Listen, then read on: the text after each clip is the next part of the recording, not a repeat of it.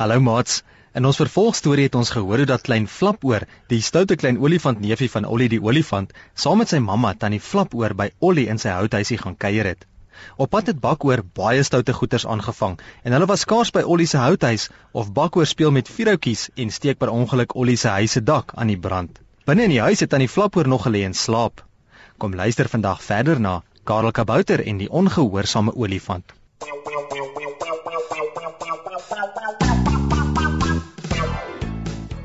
Ollie die olifant bewe en sy oë staan groot in sy kop. Karel, ons moet my tannie flap oor uit die huis kry, anders gaan sy verbrand. Net of val die brandende dak in die huis in. Ek gaan haar haal. Nog voordat Karel Kabouter vir Ollie kan keer, hardloop Ollie by sy houthuisie se voordeur in terwyl die vlamme aanhou brand op sy huis se dak.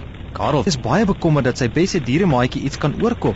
Na so 'n rukkie, toe Ollie nie uitkom nie, roep Karel benoud. Ollie!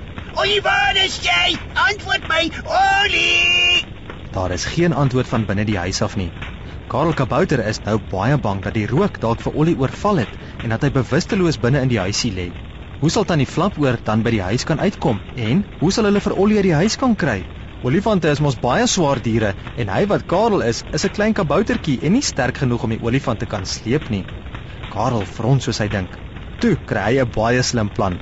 Hy kyk na Bakoor en sê: "Bakoor, ons moet vinnig iets doen om die vlamme dood te kry. Jou oom Ollie en jou maat aan die flapoor is in groot gevaar."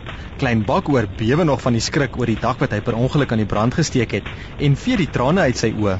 "Ek sal graag help, oom Karel. Ek is baie jammer omdat ek ongehoorsaam en stout was. Wat moet ek doen?"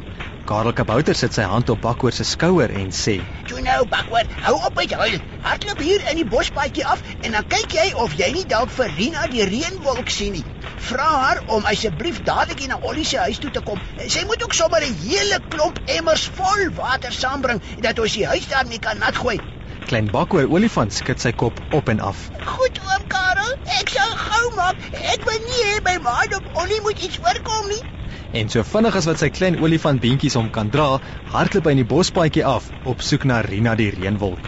Intussen is Karel Kabouter baie bekommerd. Die vlamme skiet al hoe hoër die lug in en dit lyk asof die dak van Ollie se houthuisie enige oomblik in mekaar kan val. Sy nou net wag oor kry nie vir Rina reënwolk of dat sy op 'n ander plek besig is en eers later kan kom. Miskien moet ek so lank binne die huis gaan kyk of ek nie vir Ollie kan help nie. Die volgende oomblik hardloop Karel Kabouter Ollie die olifant se brandende houthuisie binne en roep na Ollie. Ollie, waar is jy? Oh, hierdie rook is baie erg. Ek kan amper nie asemhaal nie. Ek hoop nie Ollie se asem het opgeraak deur hierdie rook nie. Ollie, waar? Karel Kabouter loop voel voel deur die brandende huis wat so vol rook is dat jy amper nie jou hand voor jou oë kan sien nie. Die volgende oomblik val Karel amper oor iets wat voor hom in die gang lê. Toe hy afbuig om van naby te kyk, sien hy dat dit niemand anders is as Ollie die olifant wat daar lê nie. Dit lyk asof Ollie se voet aan 'n stoel se poot vasgehak het en dat hy sy kop teen die kant van die tafel gestamp het toe hy geval het. Karel skud vir Ollie aan sy skouer, maar hy is heeltemal bewusteloos. Karel Kabouter kyk benoud om hom rond. Ek sal vir Ollie en Tannie Flapoor moet uitkry, anders gaan hulle verbrand. ja, miskien moet ek vir Ollie probeer uitsleep. Ooh, nee, nee, Ollie is heeltemal te swaar vir my. Wat gaan ek doen? Karel is moeg van die gespook om Ollie uit die brandende huis te probeer uitsleep. Hy sak langs Ollie op die vloer neer en probeer hom aan 'n plan te dink. Karel kyk in die gang af en toe sien hy die emmer wat in die kombuis langs die kraan staan. Ek sal gou daardie emmer vol water gaan maak en vir Ollie en Tannie Flap oor nat gooi dat die vlam hulle nie kan brand nie. Karel Kabouter maak die emmer vol water en hardloop terug na Ollie toe. Toe Karel by Ollie kom, gooi hy die emmer se water in Ollie se gesig. Ollie die olifant proes proes van die water en sit regop. Wat gaan aan? Karel Kabouter is baie bly dat Ollie wakker is. Ollie, dit lyk vir my jy het geval en jou kop gestak. Jy was bewusteloos. kom, ons moet gou maak om uit die huis te kom. Die vlamme brand al hoe erger. Ollie spring op en kyk om hom. Jy's reg, Karel. maar ek moet eers vir tannie Flap oor gaan kry in die kamer. Hoe gaan jy so lank nog water vir ons haal? Karel Kabouter hardloop na Ollie se huis se kombuis om die emmer weer vol water te maak terwyl Ollie die olifant na die kamer dra waar tannie Flapoor aan die slaap gelê het.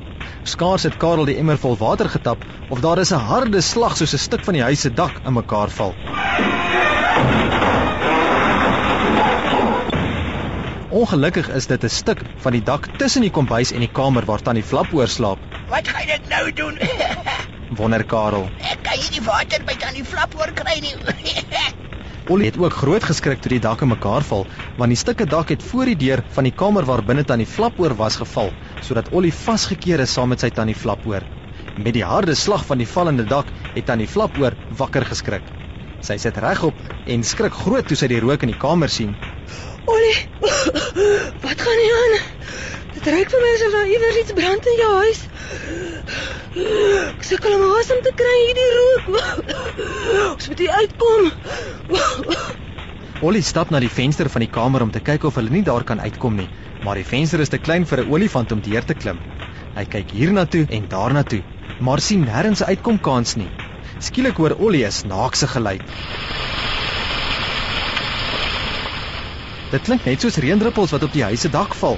Ollie loer by die venster uit en sien hoe dat die harde reendruppels op sy huis se dak val. Tannie Flap oor. Roep Ollie bly uit. Dis reën wat op die dak val. die reën sal die vlamme doodmaak. Lyk my Rina reënwolk het gekom. Hoera! Ons sal hier uitkom. Daar waar hy in die kombuis vasgekeer was, was Karel net so bly.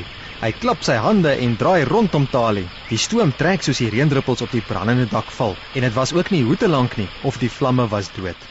Karel Kabouter strompel by die kombuisdeur uit en sien vir klein Bakoor olifant buite teen die muur staan.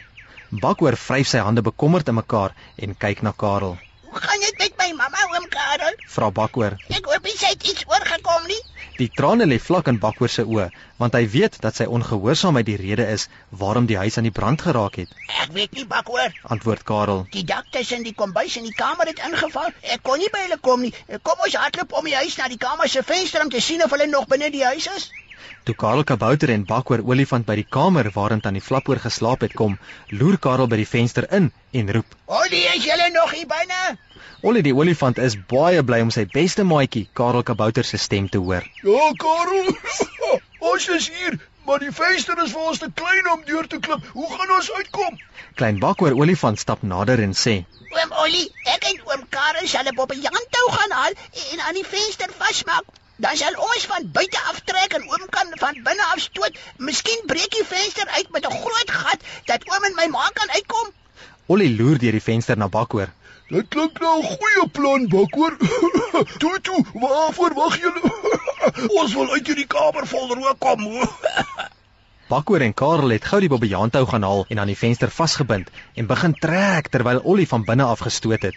Dit was ook nie hoe te lank nie of die venster breek uit die muur uit en laat 'n groot gat in die muur, groot genoeg vir Ollie en Tannie Flapoor om deur te klim. Tannie Flapoor was so bly om haar seun weer te sien.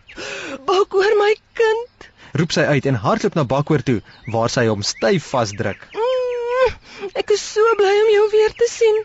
Ek was bang dat jy iets oorgekom het. Bakoor gryp sy mamma om haar lyf en huil dat jy hom wie weet waar kan hoor. Mamma, ek was baie stout. Ek is baie jammer. Ek sal nooit weer so wees nie. Karel Kabouter en Ollie die olifant kyk na mekaar en glimlag. Ek is baie bly dat jy jou les geleer het, Bakhoor, maar ongehoorsaamheid moet gestraf word. Vir jou straf gaan jy vir my en Karel help om my huis weer op te bou dat ons 'n plek kan hê om te bly. En bly weg van vuurhoutjies en vuur in die huis. Bakoor het daardie dag baie hard gewerk om saam met Ollie en Karel die houthuis te herbou. Toe hulle klaar was, het die huis nog mooier gelyk as voor die tyd. En Bakoor die ongehoorsame olifant, hy het sy les geleer en was nooit weer ongehoorsaam nie.